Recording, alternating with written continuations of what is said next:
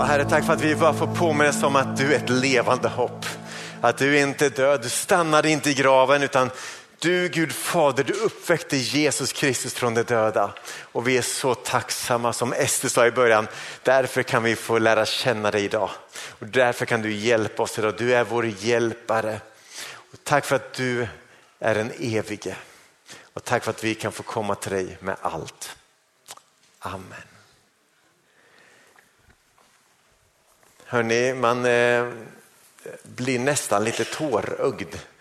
Att få sjunga om hur Jesus har lämnat graven, det gör någonting med en. Det, det här är som påsken handlar om. Påsken är inte någon, eh, bara en kycklinghögtid med lite goda ägg och med, med, med räka och majonnäs.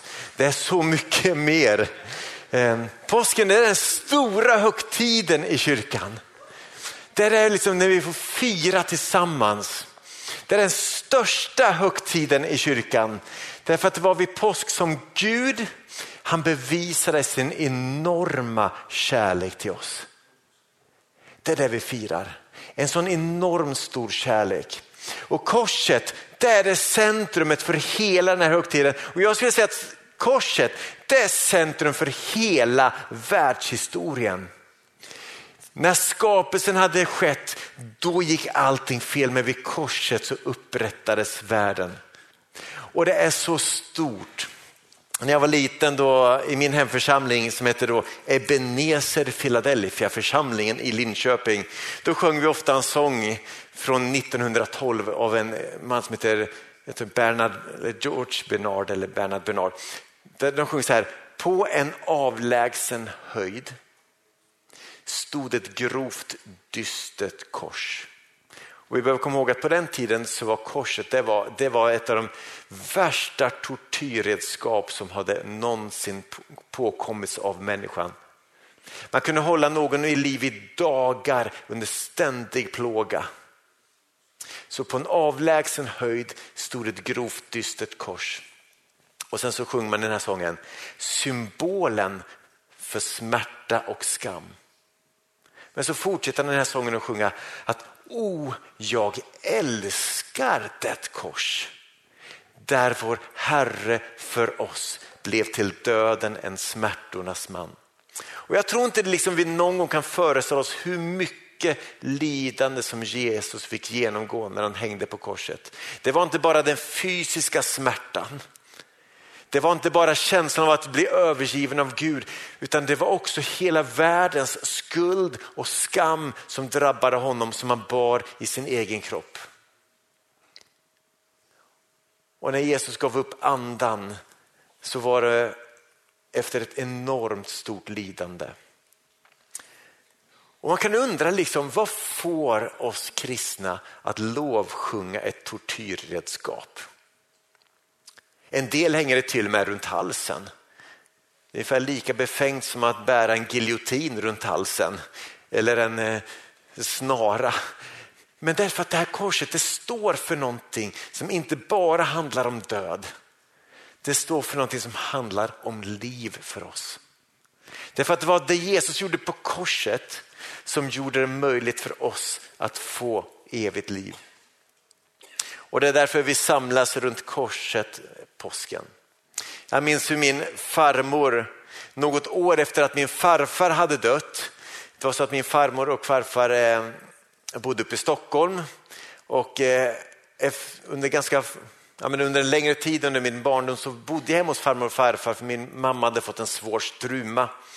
Och, eh, så jag har väldigt många fina minnen av min farmor och farfar och jag var riktigt ledsen när farfar dog.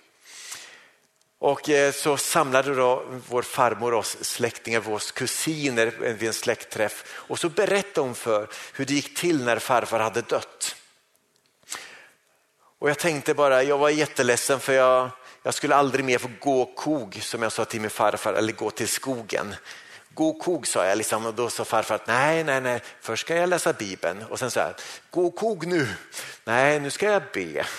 Och sen så liksom efteråt så, så tittade jag på honom, då sa han nu gå kog. Så gick vi till skogen, det var det bästa jag visste. Men så berättade far, farmor hur det gick till när farfar dog. Han hade fått cancer i hela kroppen, han var svag, han var sjuk. Han, till slut kunde han inte prata för han orkade inte det. Och han kunde inte heller röra sig så att det enda han gjorde kunde kommunicera det var att han kunde krama handen så att man kände av att ja, men han, han hör just nu. Så vid ett tillfälle så var farmor ute i köket och hon, hon hörde då röster inne från farfars rum så hon tänkte att nu har, han, eh, nu har jag liksom glömt radion på där inne. Så när hon kommer in till farfar så är det inte radion utan det är farfar som pratar. Och han säger så här, ser du korset? Ser du korset? Och sen så lyfter han upp armen och så sätter han sig upp i sängen och pekar och säger, ser du korset? Det är underbart. Sen lägger han ner sin arm, så lägger han ner överkroppen och strax därefter somnar han in till sin sista vila. Och jag vet att när jag hörde det här så tänkte jag bara att Gud är på riktigt. Det här är på riktigt. Några år senare så bestämde jag mig för att jag vill gå till det där korset och få förlåtelse för mina synder. Och korset är underbart. Och vid korset och vid påsken så händer det två saker. Dels så dog Jesus på korset för våra synder och han begravdes. Men han återuppstod också så att döden inte ska få sista ordet i våra liv. Och för att få förstå om det stora i det här så tror jag vi skulle behöva backa bandet till första sidorna av Bibeln. För det står att när Gud hade skapat oss så var det för att leva ett liv i gemenskap med Gud. Och då människan hade då istället stod inför det här vägvalet, ska vi följa det här livet som Gud har skapat oss till? Ska vi gå den här vägen som Gud har tänkt? Eller ska vi välja den här vägen där jag väljer att själv gå och klura ut hur jag ska leva mitt liv, där jag ska göra det jag vill och där det ska bli på det sätt som jag vill. Och så stod man i det här vägvalet och människan valde att gå sin egen väg. Profeten Jesaja säger att, att var och en ville vandra sin egen väg, att vi var alla vilse som får. Och det här har varit den signaturmelodin som har hjälpt människan sedan den dagen. Vi vill vara starka, oberoende, självständiga. Och det är det som Bibeln någonstans talar om som synd. Att vi vill leva våra liv utan Gud. Vi vill leva våra liv frikopplade och säga att jag kan själv.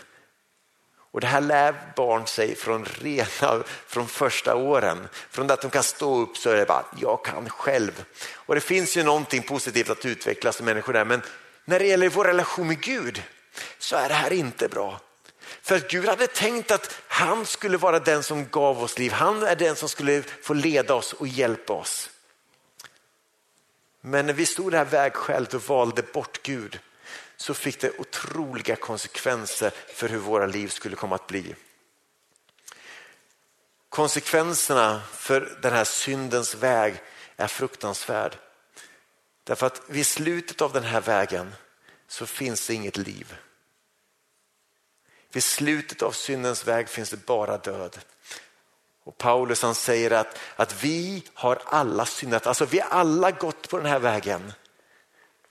Och vi har alla gått miste om härligheten från Gud. Och han förtydligar det lite längre fram i kapitel 6 och säger att vid slutet av den här vägen så är syndens lön eller slutdestinationen, det är död. Det innebär att det sista ordet som sägs, det blir död. Det är döden som har sista ordet.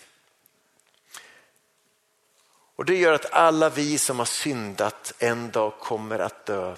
Inte bara dö, dö, utan att vi kommer på riktigt dö, där det inte längre finns något evigt liv. Så frågan är, vad ska hända oss efter döden? Har döden därmed sista ordet? Och kommer vi att för evigt gå miste om härligheten från Gud? Och det här är som, det är därför liksom att det här var hela människans historia fram till påsken år 33. För då hände det som kom att förändra allt. Vi hade stått i vägvalet, vi hade valt att gå vår egen väg, men Gud tänkte att nej, vet du vad, konsekvensen för det vägvalet, tar jag på mig istället. Och vi ska läsa ifrån eh, någonting som är mitt favoritbibelord från Efesierbrevet kapitel 2, vers 1. Och har ni en bibel med dig så slå gärna upp Efesierbrevet 2. Håll tummen där eller har du, en, eh, har du på telefonen så slå upp det och liksom håll, håll skärmen vid liv så ska vi läsa, vi ska läsa tio versar. Och jag ska göra som när jag brukar tala med barn och ungdomar och säga att det finns en pausknapp i Bibeln som vi ska använda oss av. Vi kommer stanna lite då och då för att läsa oss igenom det här i Fesibrit kapitel 2 för att där förstå vad det är Jesus har gjort för oss. Är ni med? Då trycker vi strax på play om ni är redo. Så här står det i Fesibrit kapitel 2 och vers 1. Ni, och nu talar han då till församlingen i Efesos, en grupp av troende människor.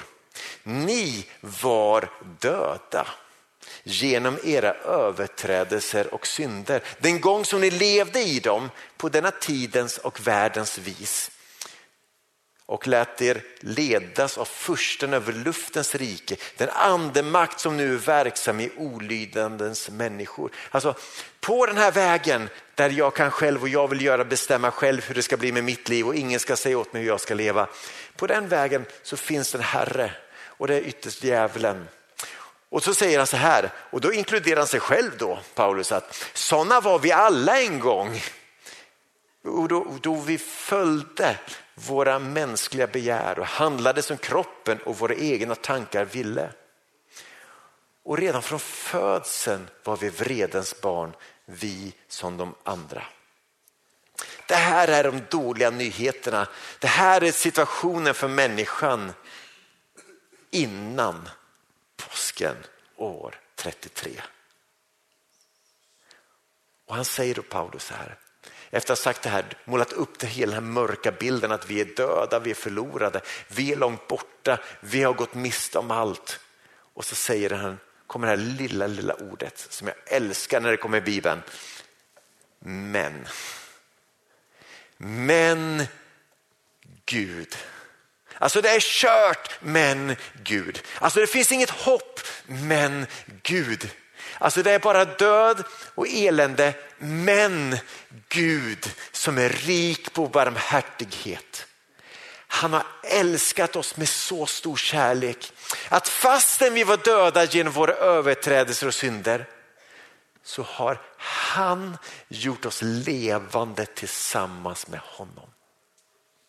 Alltså det, snacka om att det är ett bra men där i mitten. Det var kört men det är så stort, det är så bra.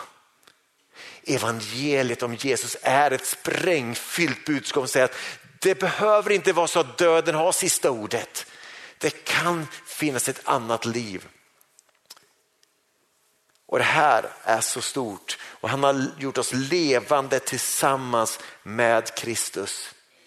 Det finns en Gud som är rik på barmhärtighet som älskat oss med så stor kärlek.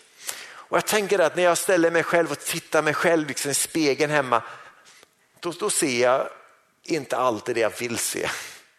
Förutom att man börjar få mer gråa hår och en större mage så finns det andra saker som jag ser som är betydligt värre.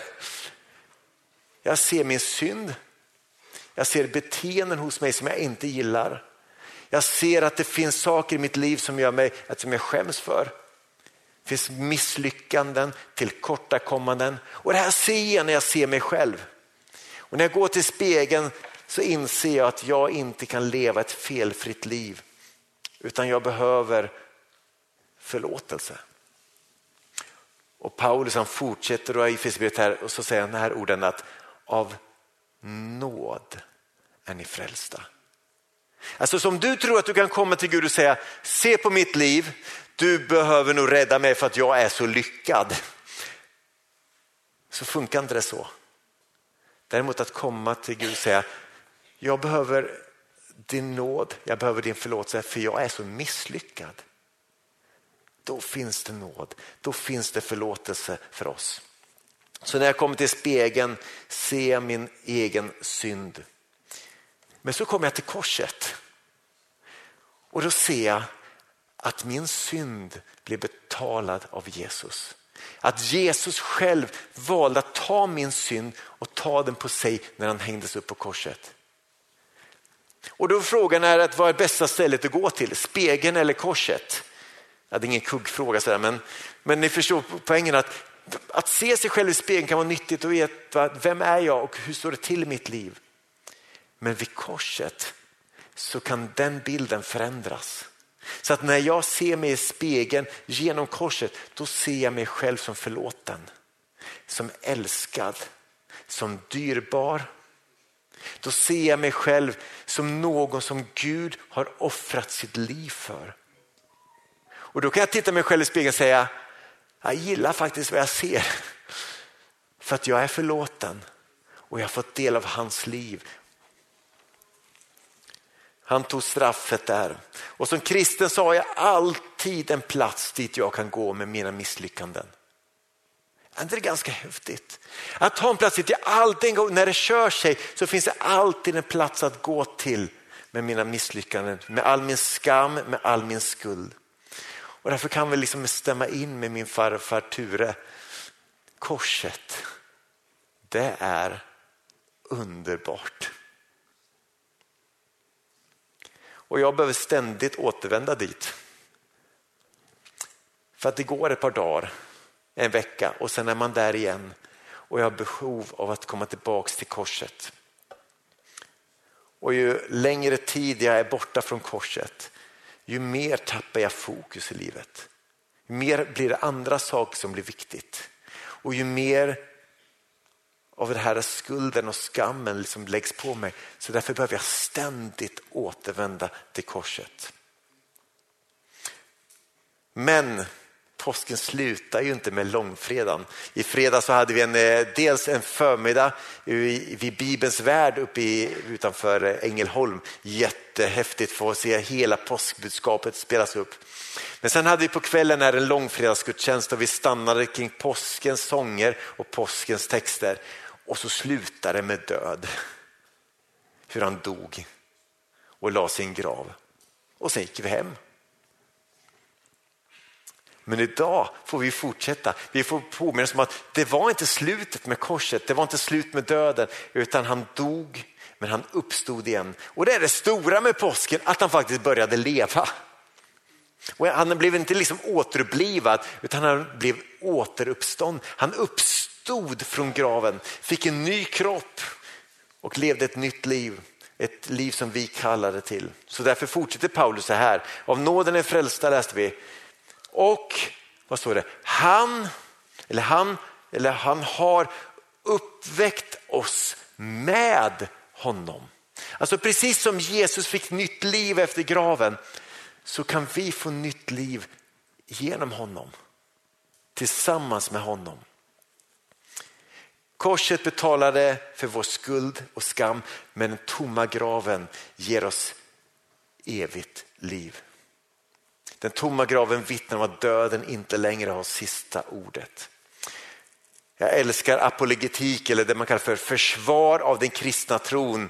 Och jag har läst många böcker som handlar just om, den, om argument för att uppståndelsen faktiskt har ägt rum. För några år sedan så hade, vi en, hade jag en hel påskpredikan bara om skäl för att tro att Jesus har uppstått och citerar lite olika professorer och andra.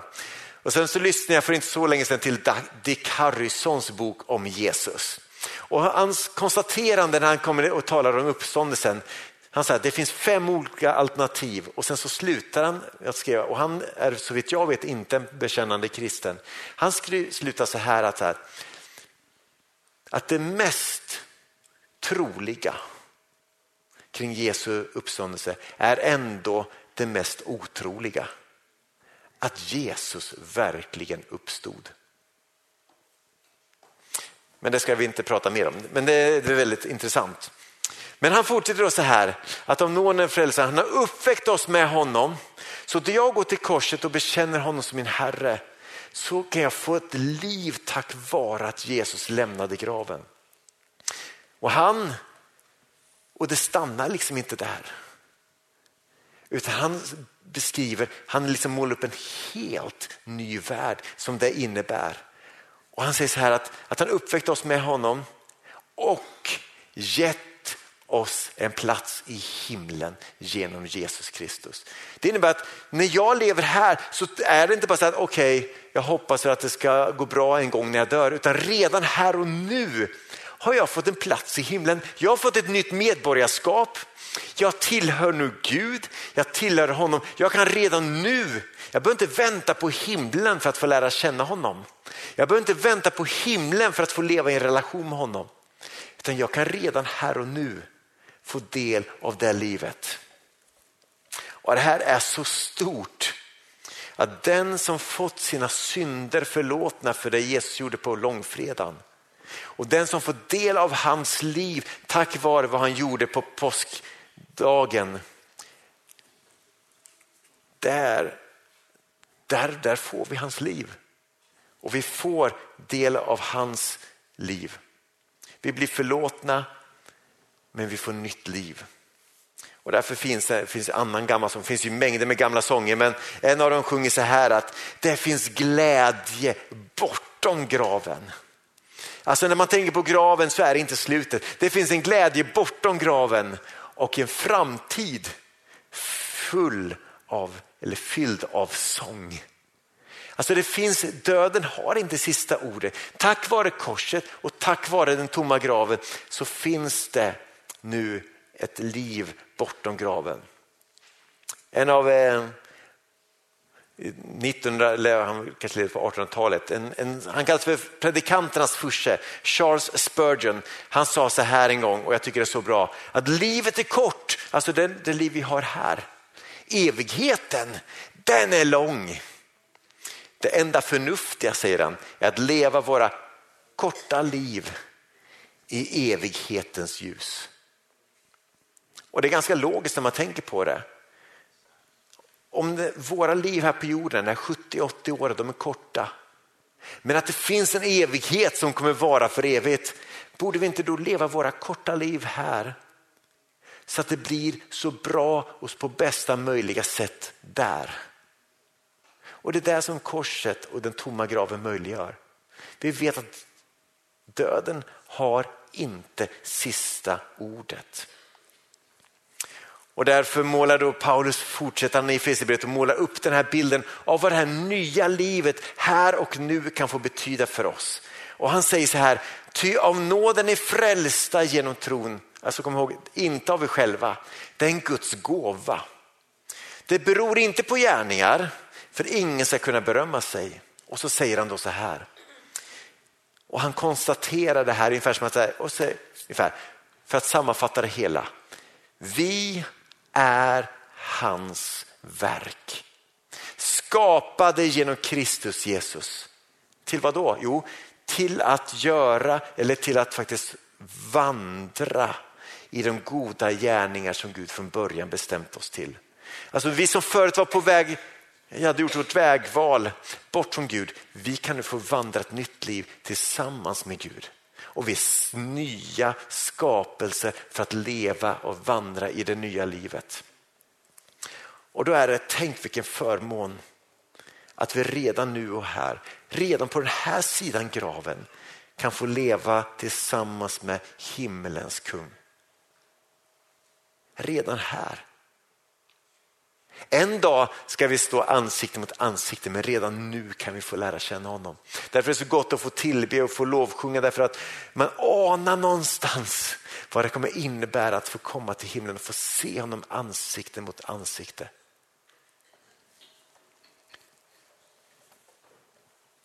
Och Jag tror att det ändå är värt att påminna sig om att dit, till himlen, kommer inte de som har lyckats här i livet. Och som församling så slås jag ständigt av att när man samtalar med människor att tänk så trasiga vi alla är.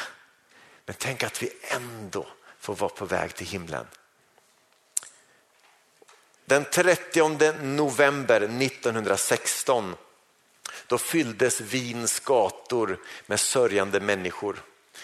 Kejsaren då, Frans Josef den första, han skulle begravas och eh, han hade satt sin prägel på hela den europeiska maktbalansen under 68 år som regent. Så när han dog så sörjdes han av många. då den här kortegen med honom som var hundratals meter lång, när den kom fram till kapucinkryptan där han skulle eh, begravas så möttes de av en stängd ståldörr. Så hela kortegen, de med hästar och vagnar fick stanna. Och så kliver marskalken fram och så bultar han på järndörren och så hör de en röst på andra sidan järndörren som säger så här, vem är det som kommer? Det var kardinalen som ropade från insidan. Och då den här eh, marskalken svarade så här, vi bär med oss kvarlevorna av kejsaren, den apostoliska kungligheten Frans Josef den första genom Guds nåd kejsare över Österrike, kung över Ungern, försvararen av den sanna tron. Och så fortsätter marskalken att räkna upp 37 titlar som Frans Josef hade vid sin död. Och sen så lägger sig tystnaden och man väntar på vad som ska hända. Då hör de en röst från andra sidan järnporten som säger så här. Vi känner inte den mannen. Återigen så bankar marskalken på, på dörren, på järnporten och samma sak upprepar sig än en gång. Men rösten bakom järndörren svarar återigen, vi känner inte den mannen. Tredje gången så bankar marskalken på dörren. Den här gången med en lite dov och dämpad röst. Och när de frågar vem är det som kommer? Så svarar han, vi bär med oss Frans Josef, vår broder, en syndare likt oss alla. Efter de orden så svängde järnporten upp och han bars in till sin sista vila. Och det här någonstans tror jag som påskens budskap blir så påtagligt. Vi påminner om att det inte är våra perfekta liv, våra välstädade liv, våra lyckade liv som gör att vi kan en dag få del av hans liv. Där när vi kommer till korset, till långfredagen, böjer knä vid korset och säger jag behöver din förlåtelse. För jag fixar inte det här på egen hand. Jag har gått min egen väg. Men nu vill jag gå din väg. Och när vi är villiga att erkänna honom som Herre och som frälsare och be om förlåtelse för våra synder så öppnar han famnen och säger välkommen. Är inte det ett fantastiskt budskap? Att vi inte behöver mötas av en stängd järndörr en gång när vi dör utan vi får mötas av en öppen famn istället. Tänk vilket budskap.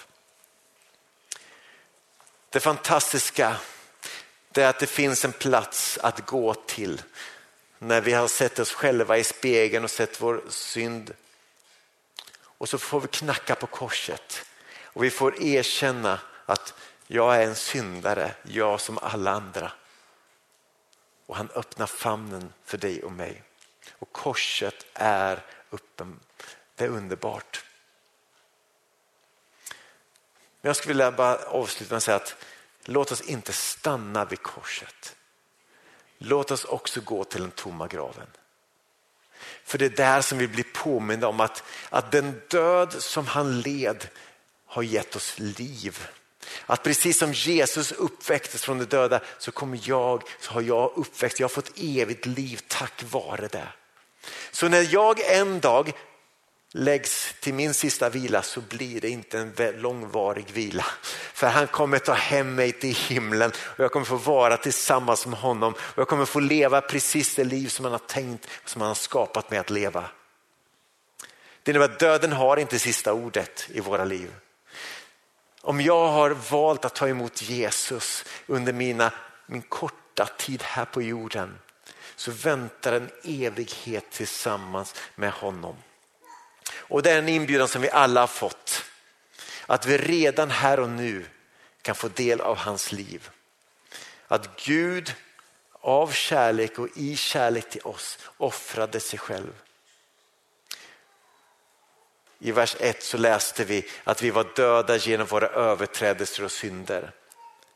Men sen stod det att vi blivit levande gjorda tillsammans med honom, med Kristus. Så om du har lärt känna Jesus här så har döden inte sista ordet i ditt liv. Men har du, är du fortfarande inne på din väg där du tänker att jag ska leva mitt liv som jag vill så skulle jag bara uppmana dig att byta väg. Byt väg. Gå till korset för det där som vägskälet står och be om förlåtelse för dina synder. Och då kommer Gud som uppväckte Jesus från de döda att ge dig nytt liv och ge dig ett evigt liv. Det är det stora med påsken. Det är därför vi samlas i påsk för att fira. Därför att det här är så bra. Att döden inte har sista ordet och att livet, det eviga, kan börja redan här och nu. Ska vi be. Herre, tack för att du älskar oss så mycket. Herre, tack för att vi kan få komma till korset och bara bli påminna om hur mycket du älskar oss. Du, du har bevisat din kärlek till oss genom att dö för oss redan när vi var syndare. Och Herre, din plan för våra liv har inte varit tänkt att det skulle stanna vid graven. Du har tänkt att våra liv ska fortsätta bortom graven. Och där finns det en framtid fylld av sång.